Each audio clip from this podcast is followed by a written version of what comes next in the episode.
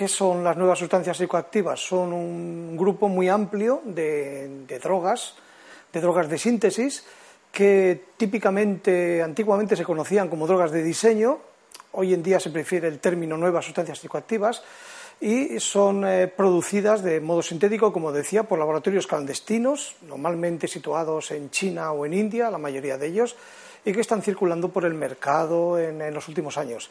En la actualidad eh, hay unas 450 sustancias ecoactivas nuevas en la Unión Europea eh, que están siendo controladas por el Centro de la Drogadicción que está en Lisboa.